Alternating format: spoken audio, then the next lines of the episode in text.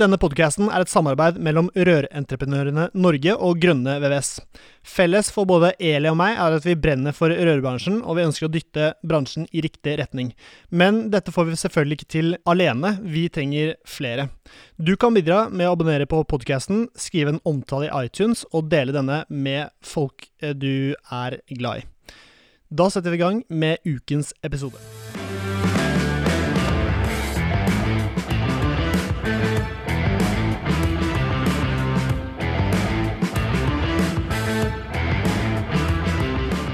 Hei og hjertelig velkommen til en ny episode av Bare Rør med Eli Hermine Heidal Eide fra Rør-Norge og Serin Poppemitteide fra Grønne VVS rørleggerbedrift. Det er et nytt år, Eli. Nytt år, nye muligheter. Sier om hvilke, hvilke Har du noe forsett, eller? Som du har som du har, som du har tenkt å få utført dette, dette året her? Ja, jeg skal melde meg inn i tredje studie igjen. Ja. Og rett og slett komme ordentlig i gang med det. Det er liksom målet nå. Eh, og så har jeg lært noe av denne podkasten Severin, det siste året som var. Og det er det at det å snakke med medlemsbedrifter det gjør jobben min i Rør-Norge både morsommere og jeg blir flinkere.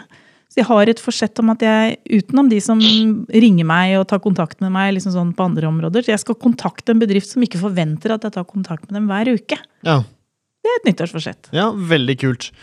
Og eh, takk for at du spurte, Eli. Mine nyttårsforsett er jo da mer kursing. Vi har jo hatt veldig mye fokus på, på varme eh, tidligere i, i, forrige år. Og, eh, og vi har snakket mye om at eh, varmedelen det, Rørleggerne må bli bedre da, på, på, Vi må nøle litt mer. Mm. Så mer kursing for min del. Og eh, ja, liv og, liv og røre.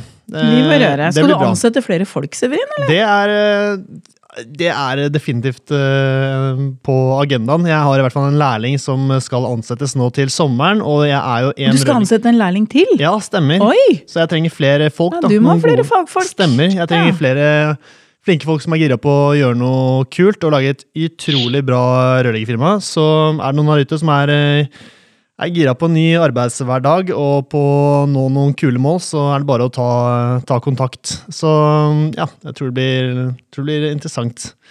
Um, men dagens gjest er det jo du som kjenner best, Eli, som det ofte er. Så kan ikke du ta en liten intro? Ja, dagens gjest er jo egentlig sjefen min. Ja? Men jeg har jo flere sjefer. Eh, Dette er sjefen til Marianne òg. Ja.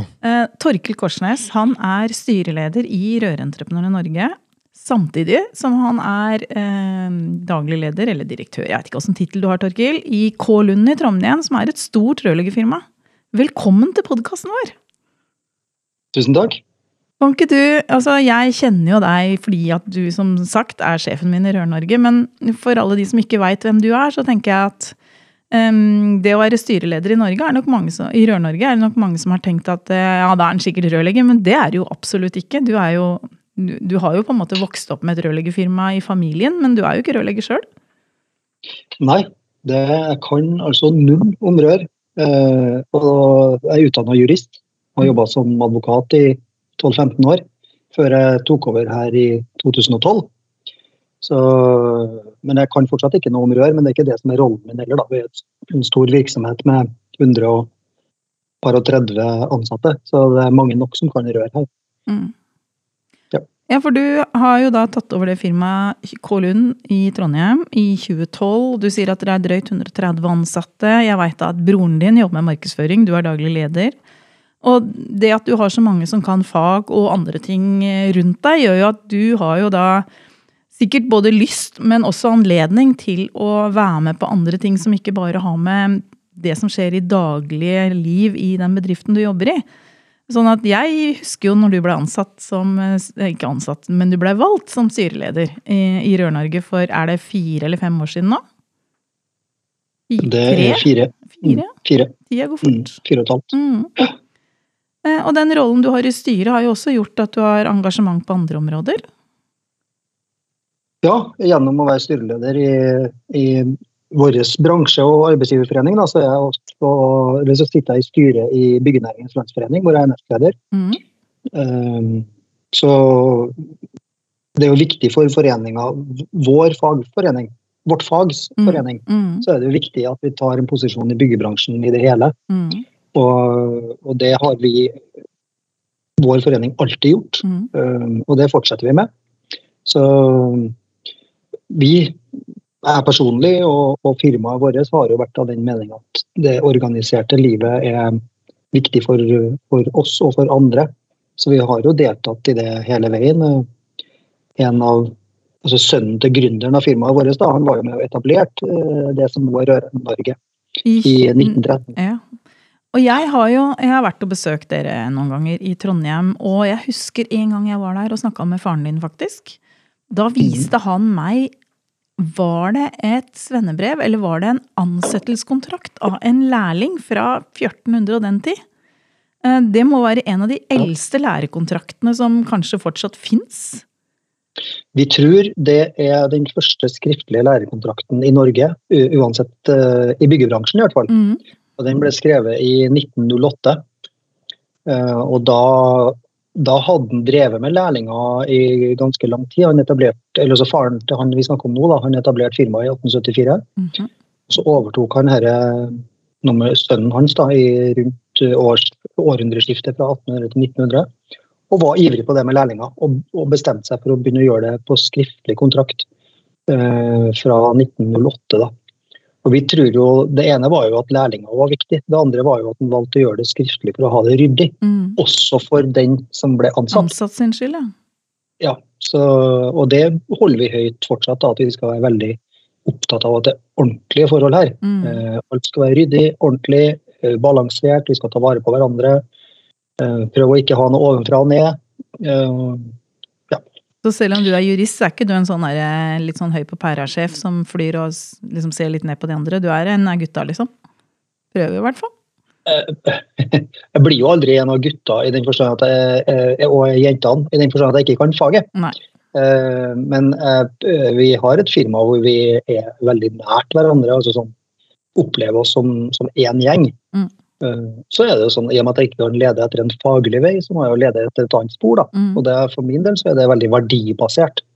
Um, og det tror jeg også snakker til det, det er et språk som går igjen hos alle, uansett fag. Mm. Hvis du har, har en verdibasert tilnærming. Mm. Hva skal vi stå for, hva skal vi være? Mm. Hvordan skal vi være med hverandre? Men du, Severin, nå, hvor lenge er det siden du etablerte firmaet ditt? Eh, Litt over to år. Ja, og han etablerte, det firmaet hans var etablert i 1874. Ja. Du ser jo at du har noen år på å vokse her. ja, åpenbart. Hvor mange var det? 130? 132. Eh, Hvor mange lærlinger har dere, Torkil? Vi har eh, 21 lærlinger. Det vil si, det har vi ikke fordi at det var en som eh, avla svenneprøven her nettopp, så vi er vel 19 eller 20. Det var en eller to som tok svenneprøven her nylig. Mm. Mm. Så du har Så 20 sånn, da, av, av håndverkerne er lærling.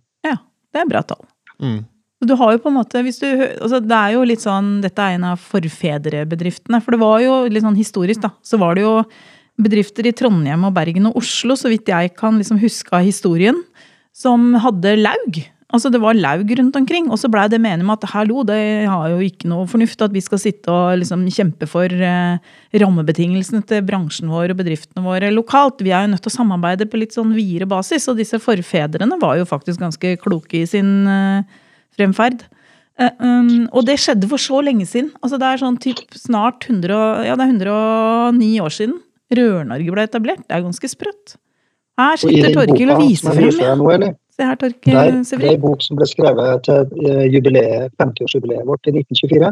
Og her skriver han litt om hvorfor de valgte å, å lage arbeidsgiverforeninger. For da, noen år før, så var, eh, var arbeidstakerforeninga etablert. Og her står det ganske mye om hvorfor han mente at det var en god idé. på begge sider, Eller det var en god idé, og da måtte vi ha det på begge sidene. Og han skriver at det var disiplinerende. Det var litt annen språkbruk den gangen. Jo, men du tok jo egentlig Det er artig å se. Ja, for du sa jo noe som var ganske bra her nå. Det er jo sånn at eh, arbeidstakerne er jo organisert, og da henger det jo ikke på greip at du som arbeidsgiver ikke er organisert. For det er jo noe med det at eh, Sånn fungerer jo arbeidslivet i Norge, at vi har et trepartssamarbeid hvor arbeidstaker, arbeidsgiver og myndighetene samarbeider. Um, Ja, Vi, det, vi, er, vi, er, ganske avhengige av at vi har det vi kaller representasjon for hverandre. Da. Vi har jo det i styresettet i landet òg, at vi representerer, velger noen til å representere oss. Mm. Eh, sånn at eh, noen få kan snakke på vegne av veldig mange. Da blir det mye mer effektivt. Eh, og i, i arbeidslivet så blir det mye mer ryddig når man er organisert på begge sidene. Så jeg er jo veldig opptatt av at vi ikke skal gjøre medlemskap i organisasjonen vår til et spørsmål om kostnader. Mm. Fordi eh, kostnad kan du drøfte i en sammenheng hvor du også kan se på inntekt. Det, men det kommer ikke noe inntekt av det her. Eh, så verdien av medlemskapet som motstykke til kostnadene altså Det koster ca. 1,50 kr i timen per ansatt å være medlem av Rørentreprenørene og NHO. I din, ja, den bedriften du er i, i din bedrift. størrelse, ja. Men det er litt forskjellig avhengig ja. av størrelsen på bedriften. Det er det sikkert. Men det blir eh, til oss 1,50 kr per time per ansatt. altså Det er en halv prosent av eh, lønnsutgiftene. Så bare én bommer til ett lønnsoppgjør, så er jo de pengene blåst. Mm. Eh, mens verdien er jo at vi er organisert, en organisert bransje, vi er et organisert fag. Vi er organisert i møte med myndighetene, med kundesida og med arbeidstakersida. Mm. Så vi, vi det, det, er en hjertesak for meg at vi, vi, må slutte å snakke om det som et kostnadsspørsmål. Utfordringen er vel at noen ser på det som det, men jeg skjønner hva du mener. For uh, dette er egentlig et sånn uh, et nødvendig onde for at vi skal fortsette å virke. Og det er på en måte bare en sånn derre Det ligger der, det må du være med på. Det er det du egentlig sier. Ja. Uh, da må vi være Jeg skjønner at det, det, det er lett å se kostnadsdelen av et medlemskap. Ja, du får jo en regning. ja, du får en regning. Mm. Men, og, og, derfor så må vi være flinkere til å få fram hva som er den motstykket, da, som da altså ikke er en inntekt, men som er en verdi. Mm. Um, F.eks. det å jobbe samla for faget vårt. Det, det, er jo organisasjonen vår som blir kalt til myndighetene sin bord, sitt bord. Det er organisasjonen vår som kan jobbe med faget over tid. Det er organisasjonen vår som kommer, har dialogen med NHO og uh, organisasjonen vår som for så vidt kan drive med de tålmodighetskrevende sakene. og Langsiktig arbeid, rekruttere på vegne av alle osv. Mm. Du sier f.eks. Eh, det med at rørleggerfaget nå har blitt rein rørleggerlinje igjen på videregående skole. Det er ikke noe som hadde ordna seg sjøl, for å si det sånn, for det mista vi jo for en del år siden. Og det har vi jobba i en 10-11 år i Rør-Norge for å få tilbake igjen. Så det er jo en ja. lang, altså det er et langdistanseløp, det å drive en bransjeforening. Og for et utålmodig menneske meg, som meg, så er det litt sånn utfordrende noen ganger. Men du sitter jo i styret som styreleder, men hvor mange har du i styret ditt? Vi er tolv personer i styret. Mm. Og de representerer jo Kan ikke du fortelle litt? For at mange av de som sitter og hører på, er jo da enten medlemmer i Rør-Norge, eller burde vært det. eller forhåpentligvis ja. vil bli det. Men jeg tenker sånn, det er jo sikkert litt sånn fjernt for noen å tenke hvordan er egentlig en sånn derre hvordan er dette sydd sammen? Er det bare liksom store bedrifter som sitter i det styret? Åssen er dette lagd?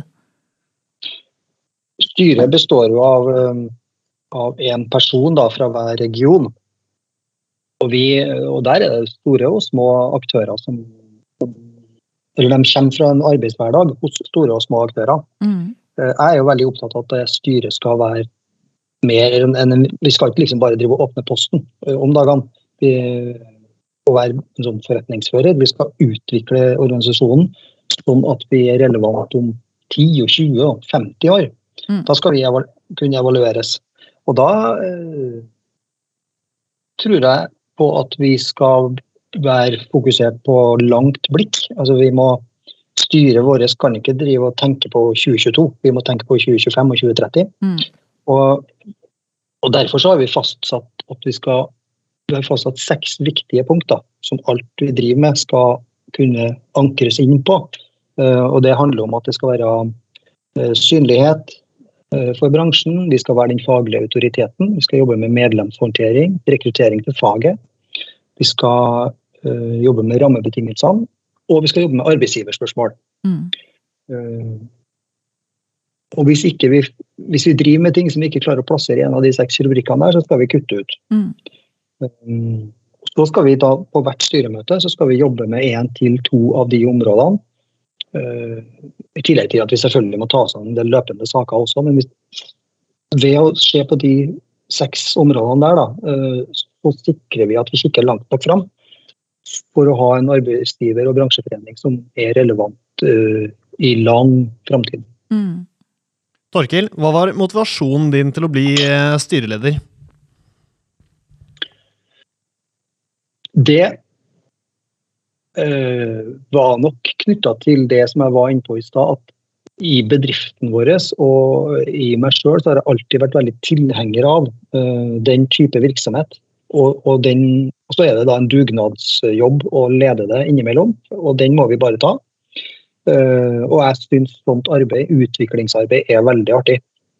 Uh, så det var, det var, et ganske enkelt valg å ta. Og I tillegg så er jeg jo heldig med at jeg da har en bedrift som tåler at jeg er mye opptatt med et sånt verv. For det, uh, det skjønner jeg at vi må ha sannsynligvis da må ha en viss størrelse for, tåle, for at bedriften skal tåle at jeg er fraværende på, i, i vervet. Eller i vervene, for det blir jo flere. da. Kan du bryte fort ned hvordan en arbeidshverdag for en styreleder eh, ser ut? Hvordan, eh, hvor mange ganger det møtes, og, eh, og hva arbeidsoppgavene til en styreleder er?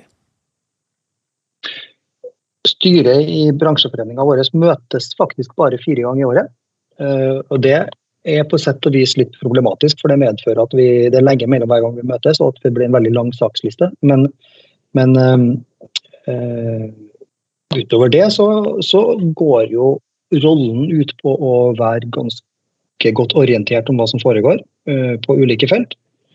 Ha kontakt med mange forskjellige mennesker, i, både i bransjen vår og i landet vårt og i øh, ja, og andre fag i byggebransjen også. Uh, og, og, legge sammen med hun som er daglig leder, da, Marianne Røiseland, legge planen for hvordan vi skal jobbe med de ulike sakene til enhver tid gjennom året.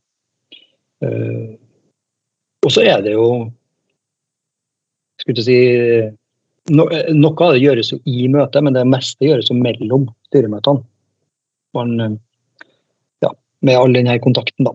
Mm. De som sitter i styret sammen med deg, Torkil, de sitter jo også i Jeg tror nesten alle sitter i lokalstyrene fra de avdelingene de representerer. Og det betyr jo at Stort sett leder i lokalavdelinga. Ja.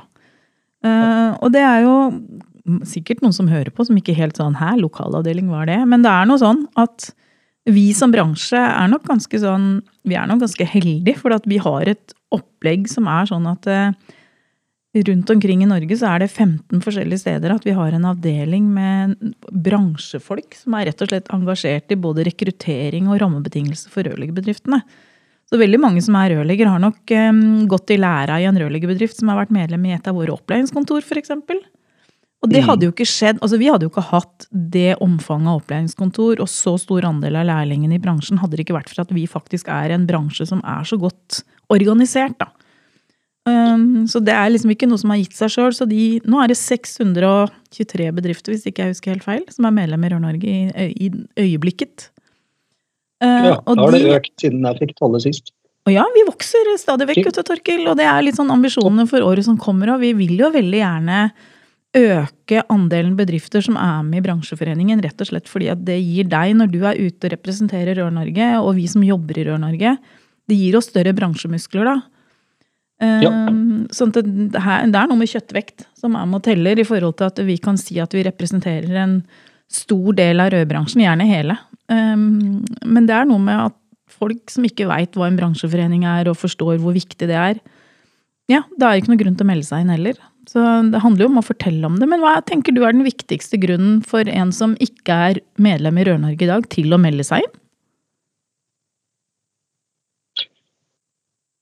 Det, hvis jeg skal bli veldig sånn uh, på én setning, nærmest, så er det at uh, hvis, du, hvis, du, er glad for at det finnes et NHO, at det finnes en landsforening for byggebransjen, og at det finnes en bransje- og arbeidsgiverforening for rørfaget, hvis du er glad for at det finnes, da skal du være med å ta en din del av regninga, altså mm. spleise på det. Mm.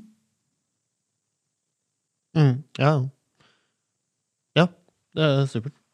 Jeg har jo også snakka med eh, en del bedrifter som sier at ja, nei, men eh, Men eh, jeg er jo en sånn liten bedrift. Altså, Vi er bare to ansatte, eller det er bare meg, eller vi holder til så langt unna. Vi får jo ikke vært på noen sånne møter og sånn, så det ser ikke helt poenget. Og vi er med i en kjede og sånn, og det er klart um, Verden har jo endra seg litt. Altså, du tok over K. Lund i 2012.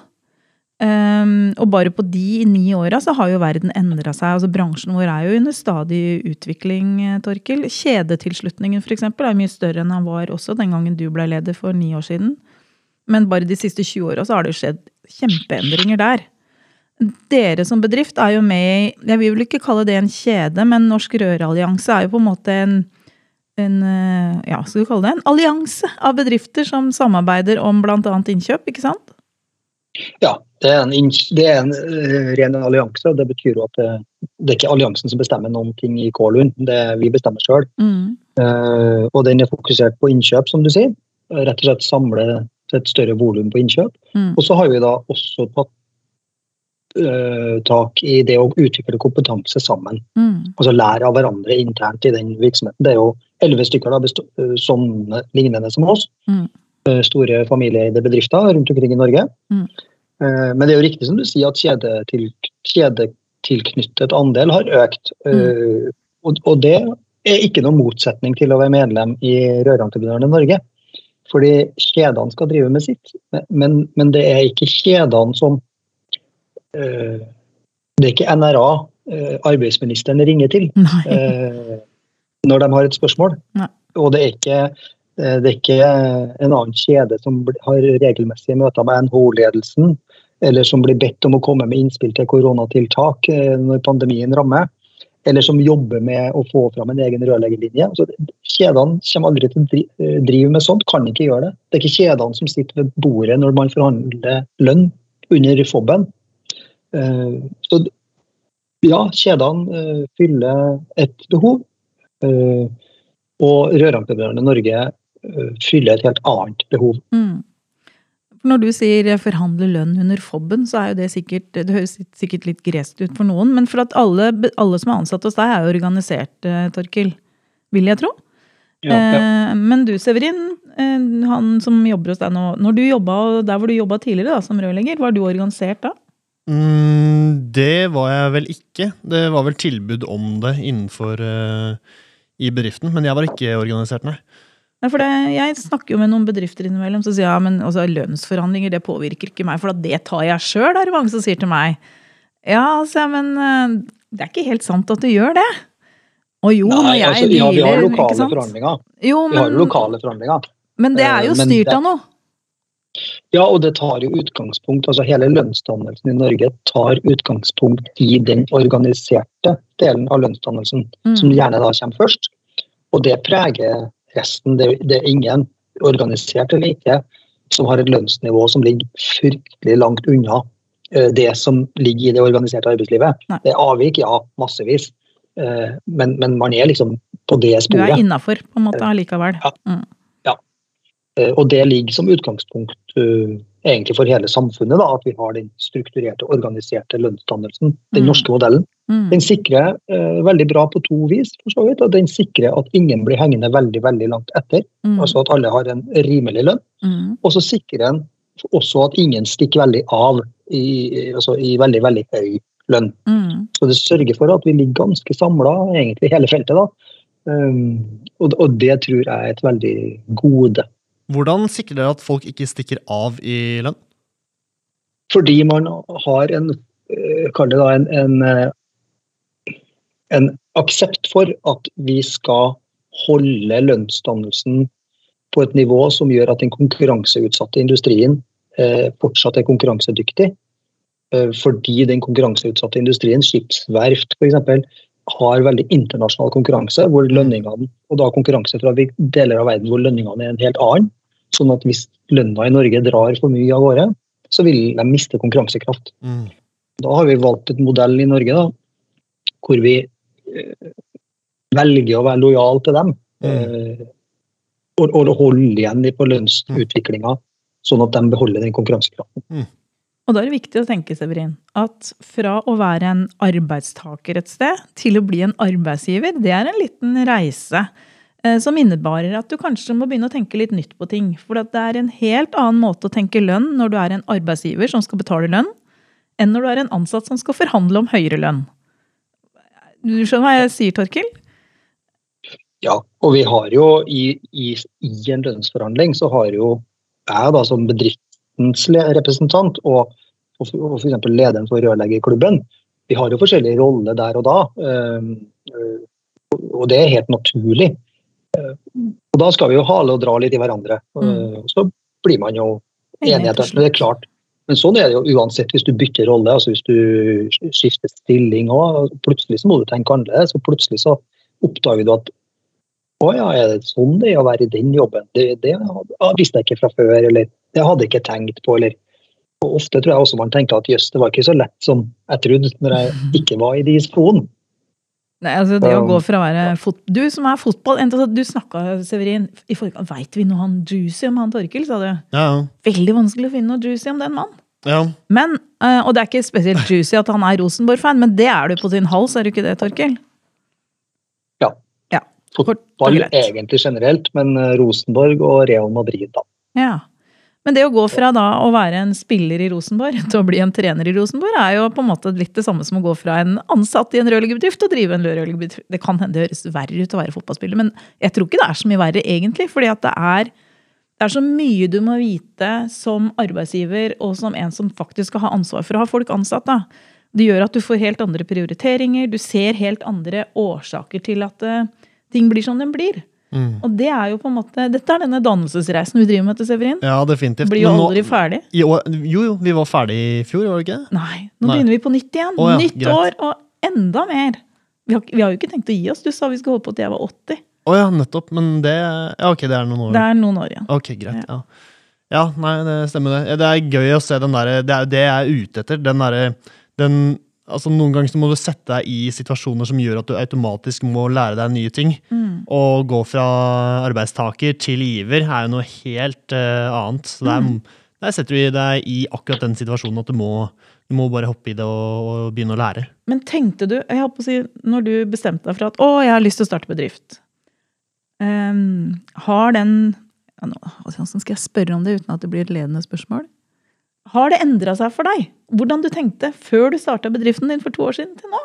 Det er jo nokså grunnleggende, egentlig, da. Men uh, um, jeg tror Det er jo mange som sier at, uh, at uh, den når du, når du, er arbeidstaker, så, så, ser du liksom ikke alle kostnader, utgiftene og alt den og grunn til å holde kostnadene nede.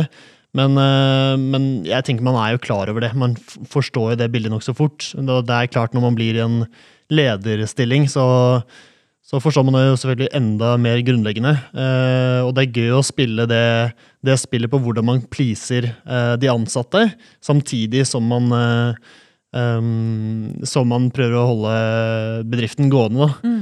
Og jeg tror uh, Det blir sikkert en annen uh, episode om det, men kulturen i bedriften. Hvordan man kan bygge kulturen, og hvordan man kan uh, få de ansatte til å forstå hele den pakka der.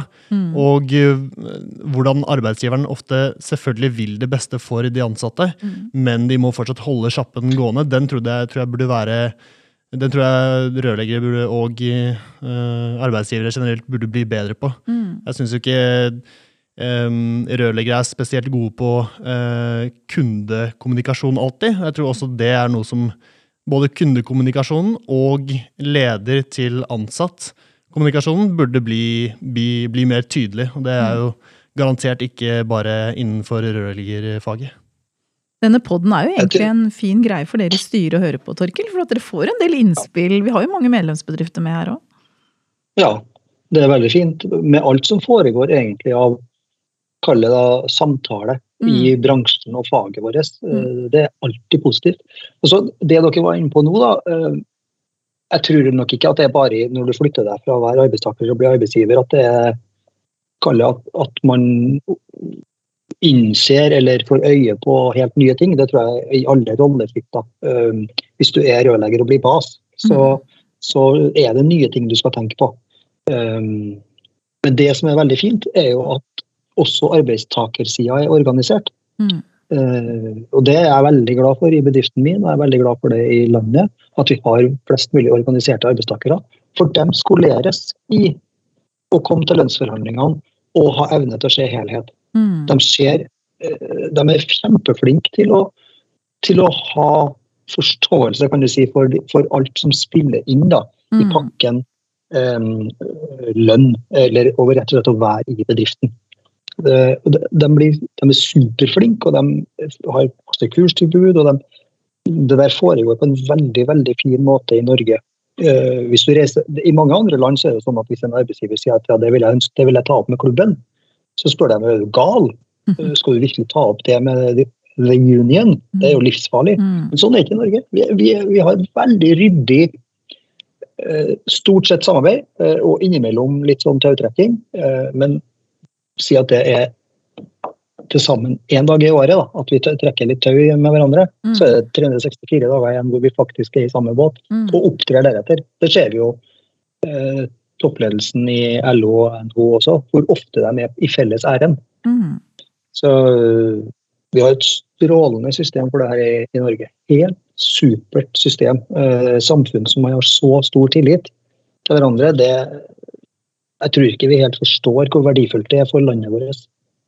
Vi hører jo utlendinger som hører det at eh, du kan kjøpe ting på Finn, og så vippser du før du har fått varen og sånn. Utlendinger tror jo ikke det er mulig når de hører at det er sånn i Norge, men det er litt sånn sånn vi er i Norge. Eh, Ja. Driver K. Lund med noen form for innleie, Torkil? Må dere Ja, det for å ta noen topper tidvis, for å si sånn. Mm. Det gjør vi. Innleie og utleie. For noen ganger har vi litt for lite å gjøre, og da eh, må vi leie ut. Og, og så fungerer det heldigvis sånn at vi, vi leier til og fra hverandre blant produksjonsbedriftene eh, her i byen og regionen. Mm. Vi har jo også noen datterselskap hvor vi har det der i enda større grad. Da. Ja. Men det hender seg også at vi må leie inn fra kalle rene bemanningsforetak.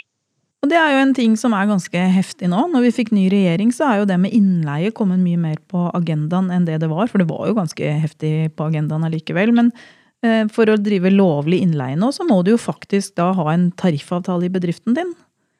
Eh, og det er den enkleste måten å få en tariffavtale på, er jo faktisk å være en eh, organisert bedrift som er medlem i Rør-Norge. Ja.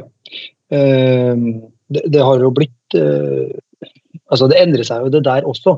Eh, og, og vi har jo Alle skjønner at det er et behov for å ha ryddighet omkring innleie. Mm. Og alle skjønner at det er eh, Eller alle kan se at det ikke er alle som er ryddige Mm. når de leier inn. Mm. Men det er veldig viktig, syns jeg, da, at det problemet løses på en sånn måte at det er dem som oppfører seg dårlig, som får det vanskeligere, Mm. og ikke alle vi som oppfører oss bra, som får det vanskeligere. Mm.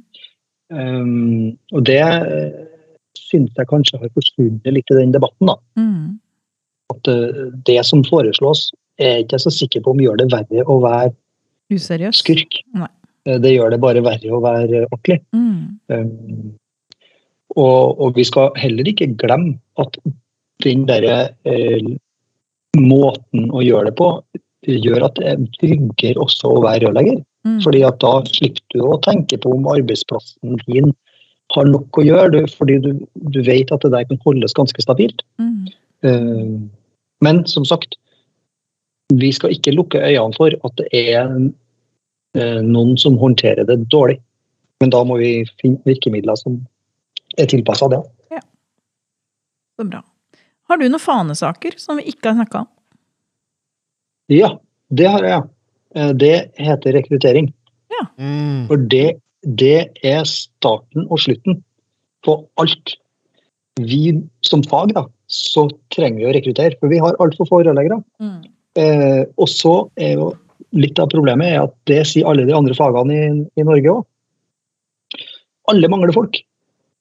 Og det gjelder ikke bare i Norge, det gjelder store deler av Europa. Så vi er helt avhengig av å klare å rekruttere ungdom til oss fra eh, Helt uavhengig av kjønn, altså.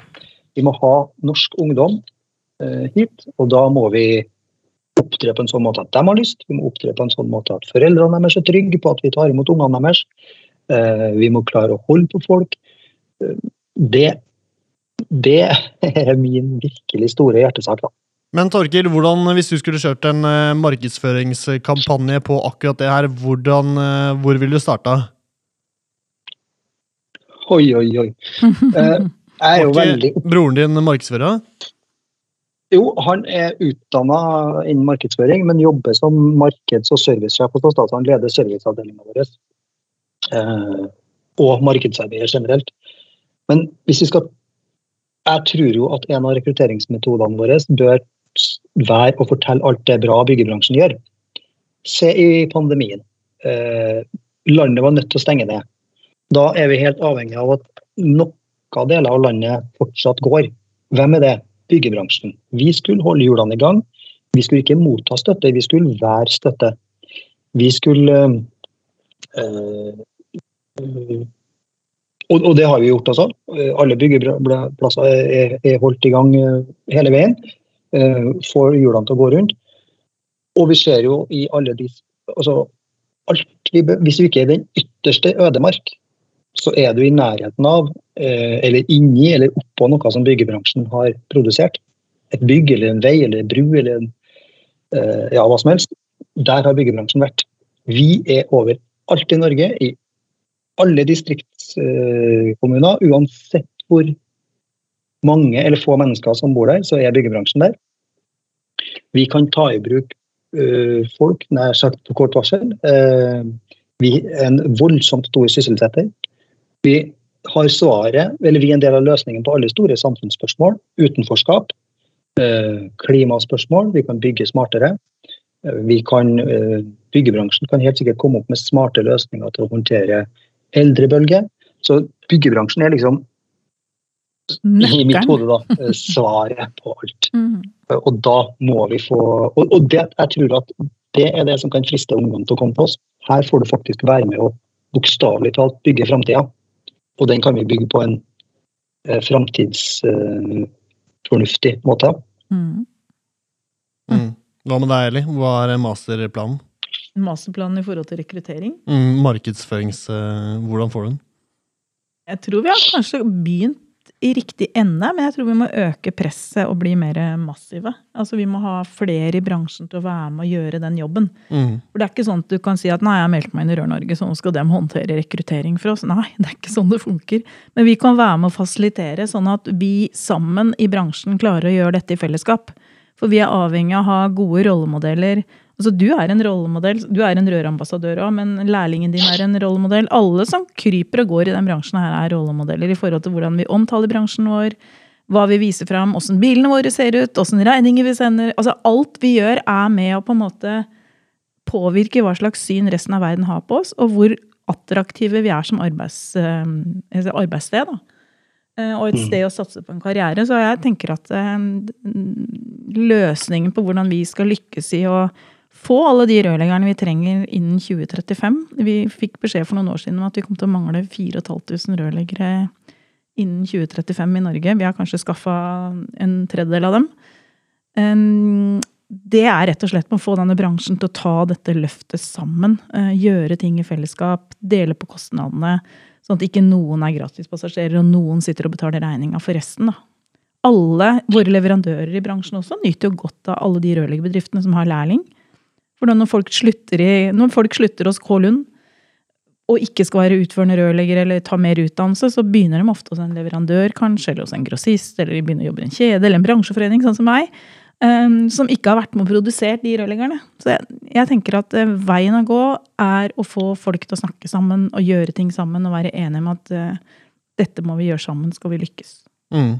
Ja. Så har vi en, en veldig, et veldig stor fordel, syns jeg, da. Og det er Eh, samspillet mellom eh, den, den, som er under utdanning, mm. lærlingen, og arbeidsplassen, bedriften.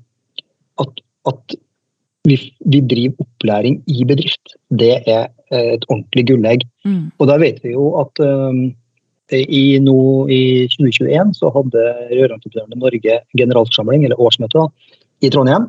Og det var også for 100 år siden, i 1921. Da var det på, i samme by, på samme sted. Og i protokollen der så kan vi lese at de da var veldig opptatt av at det var gullet. kombinasjonen lærling og bedrift. Mm. Og det må vi eh, opprettholde. Og, og det betyr at bedriftene må være flinke til å ta inn mange lærlinger og gi god opplæring. Da løser vi rekrutteringsspørsmålet.